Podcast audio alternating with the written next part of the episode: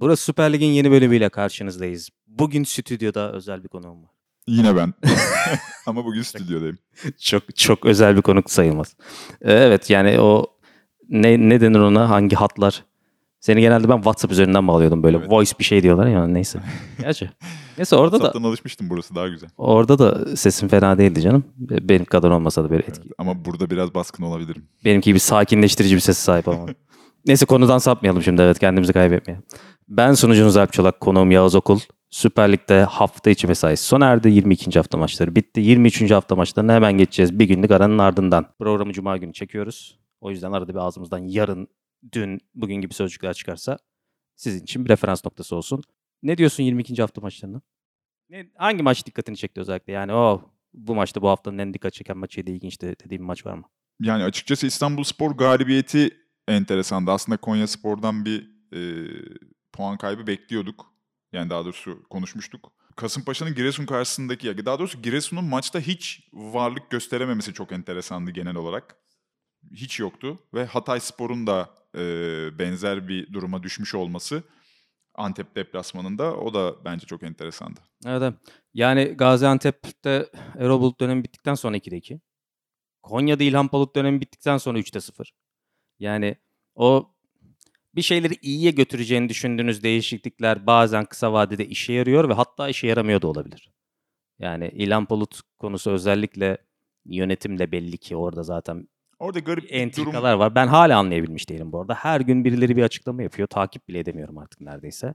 Yani istemeye istemeye alınmış bir karar var gibi geliyor zaten. Bir, ya da farklı şeylerin devreye girdiği Evet, farklı dinamikler de söz konusu olabilir. Çok girmeyelim o toplara. Yani anlamlandıramıyorum ben açıkçası. Son 10 maçta İlhan Palut döneminde sadece iki kere kaybetmiş bir takım. Bir anda şimdi 3'te 0 yaptı. Konyaspor bu ligin son yıllarda kendini artık ortaya koymuş. Evet zor takım. Of bu hafta Konya ile oyun büyük takımların taraftarları değil mi? Bu hafta Konya ile oynuyoruz. Ne yapacağız derken şimdi durum bir anda tam tersine döndü. Onlar için hoş yapı, değil. tesis, e, Evet. az takıma yatırım, e, yönetim kadroların güçlendirilmesi falan konularında gerçekten güzel de bir örnekti aslında son yıllarda Konyaspor. E tabii şimdi mesela Amir Hadzovic gibi bir de- değeri orada yetiştirdiler. Şu an artık bundan sonra Beşiktaş forması giyecek. Önemli bir paraya sattılar Beşiktaş'ı bu arada. Yani benim de haftadan dikkat çeken maçım tabii yine hakem yönetimi üzerinden konuşulsa da sahadaki futbola odaklanalım. E, hakikaten çok acayip bir tempoya sahip olan. Yani ben maçın başında Adana Demirspor Fenerbahçe maçı 1-1 bitti. Maçın başında şöyle bir ilk 6 dakikada herhalde kaç şut? 10 şut mu çekildi anlamadım Tabii. yani. İnanılmaz, inanılmaz bir tempo söz konusuydu. Dedim herhalde yeni kural getirdi Süper Lig'e. Bundan sonra orta sahalar çok bulaşmayacaklar mevzuya. Yani Çok şut atan kazanır gibi bir. Hani Guardiola'nın hayali vardır denir ya böyle 11 tane orta saha oyuncusuyla onu kaleye de böyle hesaba katarlar. İşin biraz geyiği olsun diye.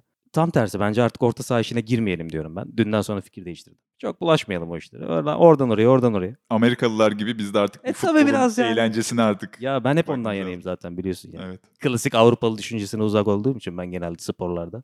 Ya eğlenceliydi evet maalesef sonra yine hakem yönetimi işte e, alınan, verilen, verilmeyen kararlar üzerinden çok konuşuldu ama e, eğlendim yani ben 90 dakikayı izlerken haftanın temposu çok yüksek ve 3-3-4-4 bile bitebilirdi. Çok ilginç maçtı. Katılıyorum. Ben de yani maç başında bir baktığımda ya tabii ki skordan bağımsız konuşuyoruz şu anda. Çünkü skorda bir hakem etkisi var yok oralara biz biliyorsun hani zaten girmiyorsun. Hiç konuşmuyoruz böyle şeyleri.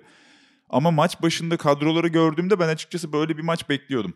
Yani çünkü e, Adana Demirspor'un 4 hücumcuyla e, ilk 11'de olması bir as santrforu yok ama Ona geleneksel bir Yani- 9 numarayla da oynamıyorlar. Evet. Yani bunu oynayabileceğini tahmin ediyorduk en azından. Yani öyle öyle hissettirmişti bana. Ama Fenerbahçe tarafında da orta sahayı sadece Arao'nun yanında Mert Hakan'la tutmaya çalışmak çok gerçekçi bir yaklaşım değildi bence. O yüzden Adana Demirspor'un da iç sahada bu kadar e, şuta yatkın bir maç çıkaracağını düşünüyordum. Zaten Fenerbahçe çok hücumcu çıkmış. O yüzden maç başında ben bekliyordum aslında böyle bir maç. Tabii bu çok ekstra ama en azından hareketli bir maç bekliyordum yani. Bir parantez Ümraniye Spor'u açmak istiyorum. Gerçekten şanssız bir takım. Yani Süper Lig'de bir şeyler oynamaya çalışan hakikaten oyunu rakibe götürmek denir ya İngilizceden biraz kaba bir çeviri olacak ama yani kimseden ürkmeyen, atak eden, bir planı olan. Yani Galatasaray maçında Ümraniye Spor'un bir planı vardı. Öyle rastgele onlar rastgele direkt hücumlar değildi. Attıkları ilk golde dahil olmak üzere 3 tane aynı pozisyonu buldular. Birini atabildiler. Yani hakikaten Recep Uçar Bey ekibinin biraz şansı ihtiyacı var. Yani son haftada Antalya Spor'a duraklamalarda kaybetmek, işte Fenerbahçe'yi çok zorlamak, işte son saniyede golü bulmak ama vardan işte golün dönmesi. Yani hakikaten bu takımın biraz şansı olsa kesinlikle daha üstleri doğru yol alırlar ve hak ediyorlar bence kesinlikle. Yani orada Recep Uçar ve ekibi kalite mesela Galatasaray değil mi şu an ligin en formda takımı işte 11 maçtır kazanıyor kulüp hatta tüm resmi maçları katarsak sanırım 14 oldu. Yani inanılmaz formdalar ve Galatasaray'ı maçın birçok anında Ümraniye Spor sürklase etti demek istemiyorum ama inanılmaz derecede zorladı. Kesinlikle. Ben birçok Galatasaraylı'nın Ümraniye Spor'a hakkını teslim ettiğini düşünüyorum bu arada. Evet evet. Yani zaten e, Galatasaray taraftarı gerçekten Ümraniye Spor'u alkışlıyor da şu anda yani kendi arasında konuşurken hakkını veriyor gerçekten. E, Recep Uçar'ın çok net bir e, nasıl diyelim bir tahmini vardı. Yani Galatasaray iç sahada rotasyon yapabilir çünkü hafta sonu Trabzonspor maçı var. Biz bunu değerlendirebiliriz burada. Bu psikolojiden e, bir şekilde çıkartabiliriz. Onlara bir şok etkisi yaratabiliriz diye düşünmüş. Ve Emre Taşdemir'in de bence ilk 11'de olabileceğini ve onu iyi değerlendirebileceğini düşünmüş diye düşünüyorum. Çünkü dediğin gibi bütün atakları oradan ve benzer noktadan e, değerlendirmeye çalışması planını net gösteriyordu. İkinci yarı işte oyuncu değişikliğiyle biraz çok değişti oyun. Ama 10 Ümraniye kişi, Spor... 10 kişi kalmasalar belki de o puanı alacak. Belki de. Veya işte ilk yarıda girdikleri pozisyonlar var hala. Ya o, o pozisyonların da çoğunu Avon'u, Avon'u kaçırdı bu arada. Avon'u bir de çok anlamsız bir ikinci sarı kart evet. gördü. Hakikaten o hareketi nasıl yapıyor da anlam vermek mümkün değil profesyonel futbolcu. ve Katılıyorum ya kesinlikle öyle. Ama Ümraniye Spor yani sezona daha başlarken Fenerbahçe maçında bunu gösterdi. Bu kadar hafta geçti Galatasaray maçında da aynı şeyi gösteriyor. Ama işte yani son haftalarda yani üst üste 4 sosyal medyada çok konuşuluyor. Fenerbahçe'ye işte deplasmanda 3 gol atmış, Galatasaray'a deplasmanda 2 gol atmış bir takım nasıl bu durumda olabilir diye çok konuşuluyor. İşte Burada biraz işte biraz şu, şansa ihtiyacınız var. Hem biraz şans bir de işte e, seninle yine bu seride konuşurken İstanbul Spor maçını aslında onların artık galibiyet haftası demiştik. Evet o tarz maçları kaybetmemeleri gerekiyor. Bence de tabii tabii. Yani en azından o dipten sıyrılabilmek için bir kere her şeyden önce orada rakibiniz olan takımları yenmeniz gerekiyor. Hele ki kendi sahanızda oynuyorsanız. Hemen o zaman e, haftanın bu haftanın maçlarına gelelim beraber. Cumartesi günü Ankara Gücü Fatih Karagümrük maçıyla açıyoruz. Ben 13-30 maçlarını seven biri olarak bu maçın 13-30'da olmasını beğeniyorum diyeyim. Yani Ankara'da gerçi havalar kötü e, kar yağışı falan söz konusu sanırım. Bilmiyorum artık orada nasıl bir Erdem stadında nasıl bir atmosfer olacak. Ne diyorsun maçın oynanacağını varsayarsak? Yani hava havanın kötü koşulda olacak olması Karagümrük'ü çok etkilemeyecektir diye Gerçi düşünüyorum ben. Onlar da değil mi? onlar da çok güllük güneşlik havalarda oynamıyorlar yani. Türkiye'nin talihsiz stadyumunda maç yapmak. o yüzden orada bir hani ev sahibi havasında da oynayabilirler yani sahaya.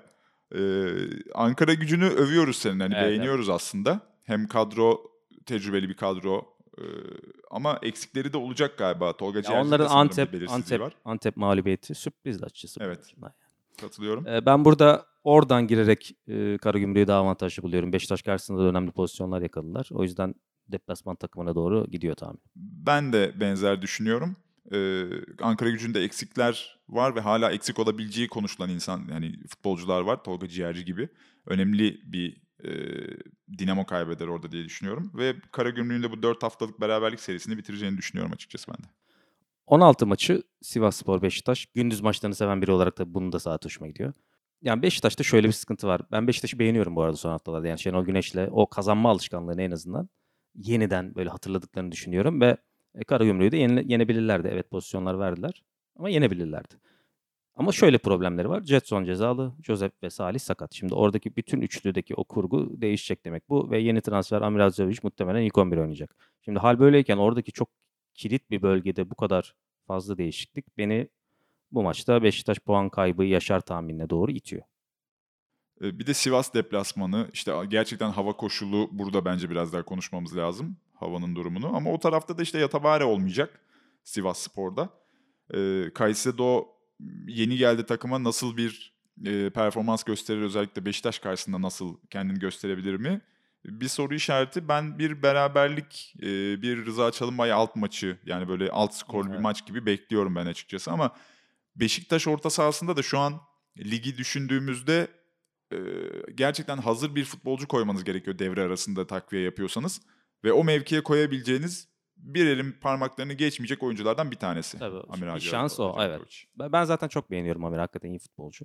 Ama e, yani yine de bu kadar bu kadar önemli eksikler söz konusuyken Sivas gibi sert bir deplasmanda bir beraberlik Beşiktaş adına bir puan kaybı bekliyorum. Antalya Spor Gaziantep maçıyla cumartesi akşamını e, kapatıyoruz. Şimdi Gaziantep iki maç kazandı üst üste. Sanki hani Erol Bulut'un suçu neydi gibi bir durum ortaya çıktı orada. Yani Antalya Sporu zaten her programda söylüyoruz. Bu takımın kağıt üzeri ve aslında zaman zaman 90 dakika içerisinde sergiledikleri oyunla bundan çok daha iyi sonuçlar almaları gerekiyor diye sık sık bahsediyoruz. Gaziantep bu havayı yakalamışken burada da kazanır gibi bir tahminim var. Bilmiyorum. Antalya Trabzon deplasmanda da benim için ayak kırıklığı oldu. Artık Antalya'yı bir müddet seçmemeye doğru Evet. gidiyorum yani. Ben Antalya'dan biraz açıkçası ümitlerimi kesmiştim. Geçen hafta da benzer bir şey konuşmuştuk. Trabzon'da hani o kalite yok. O maçta puan alacak gibi. Ya Antep'in Hatay Spor karşısındaki galibiyeti beni çok şaşırttı. Ben gerçekten bir Hatay Spor galibiyeti bekliyordum aslında. Orada yedikleri, e, daha doğrusu Hatay'ın yediği goldeki öne geçti Hatay Spor.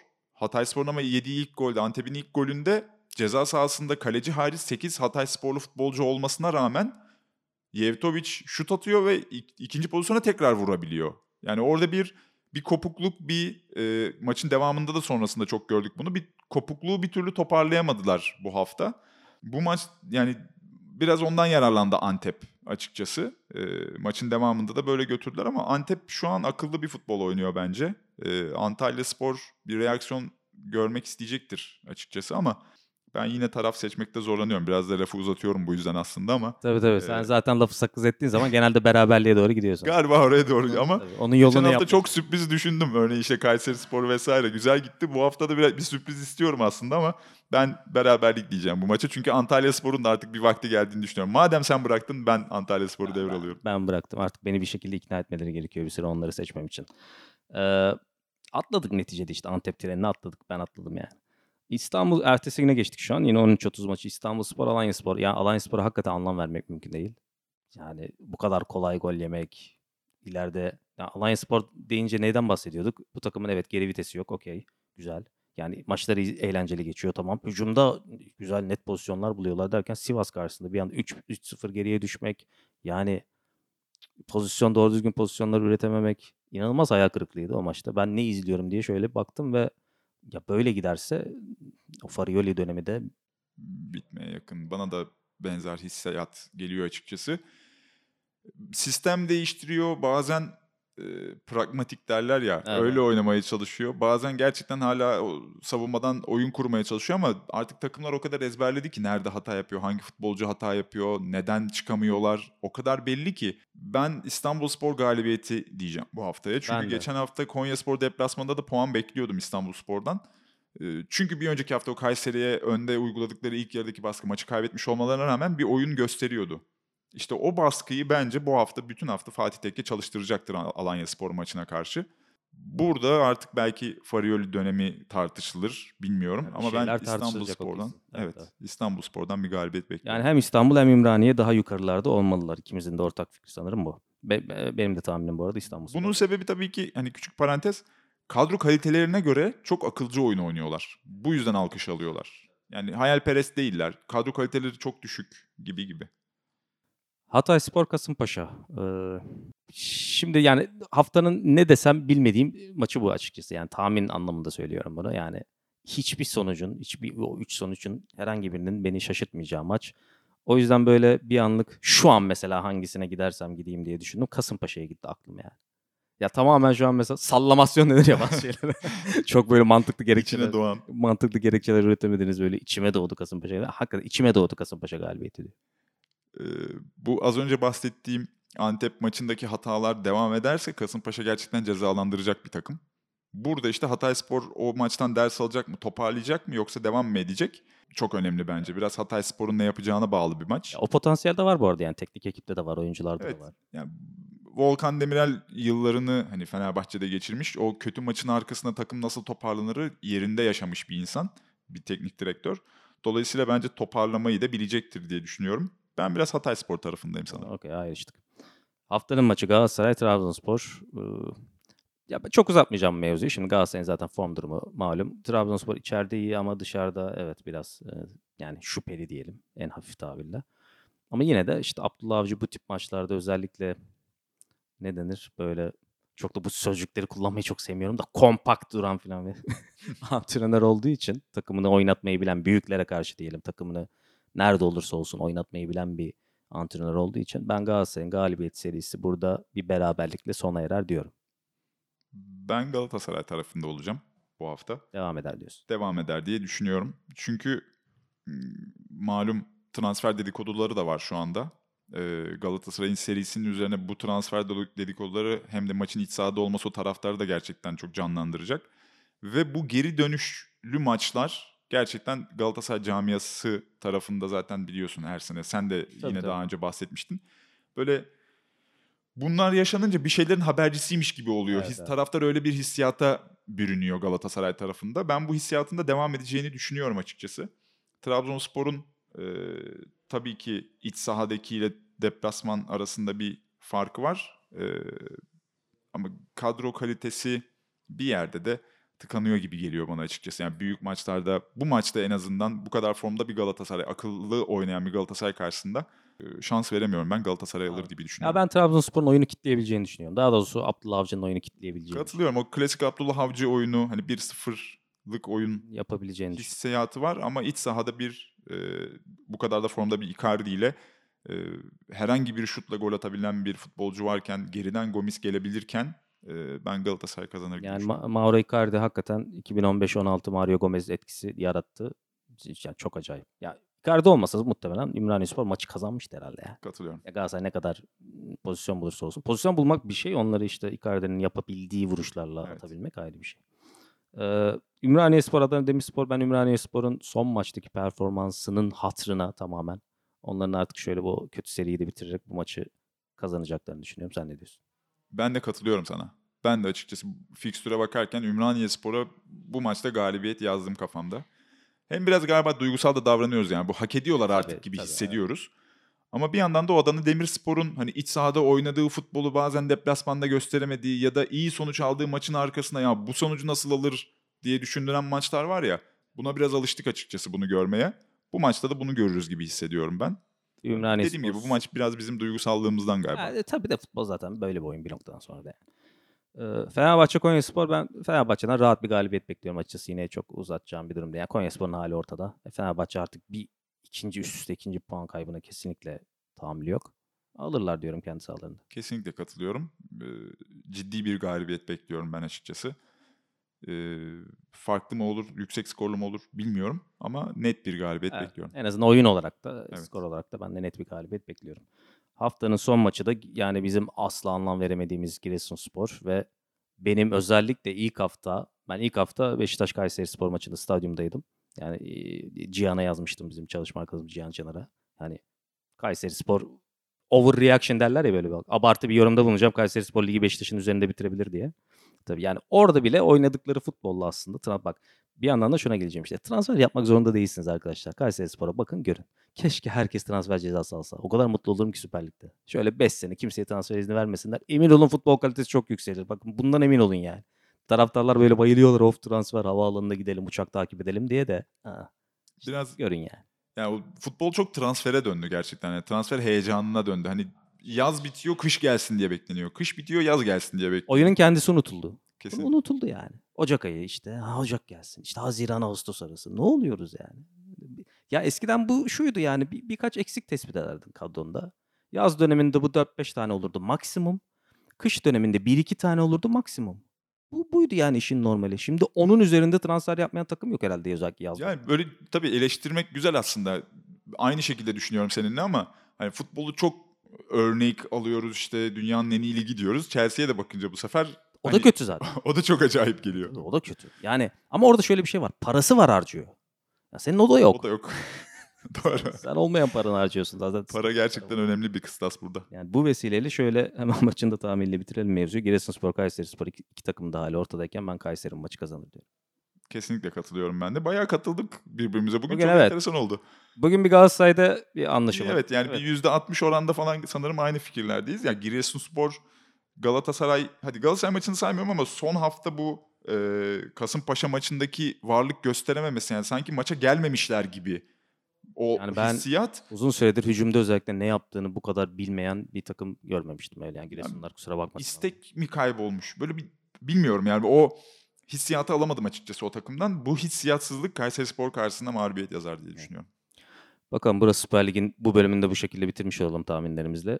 Bu podcast'i, bu ses kaydını Maçkolik'in ilgili haftanın, ilgili Süper Lig haftasının maç sayfalarında görebilirsiniz. Maç detay sayfalarında ayrıca podcast, çeşitli podcast platformlarından bu bildiğiniz, aklınıza gelen o ilk platformlar hangisiyse onlar olur. Farklı yerler olur. Bunların her birinden dinleyebilirsiniz.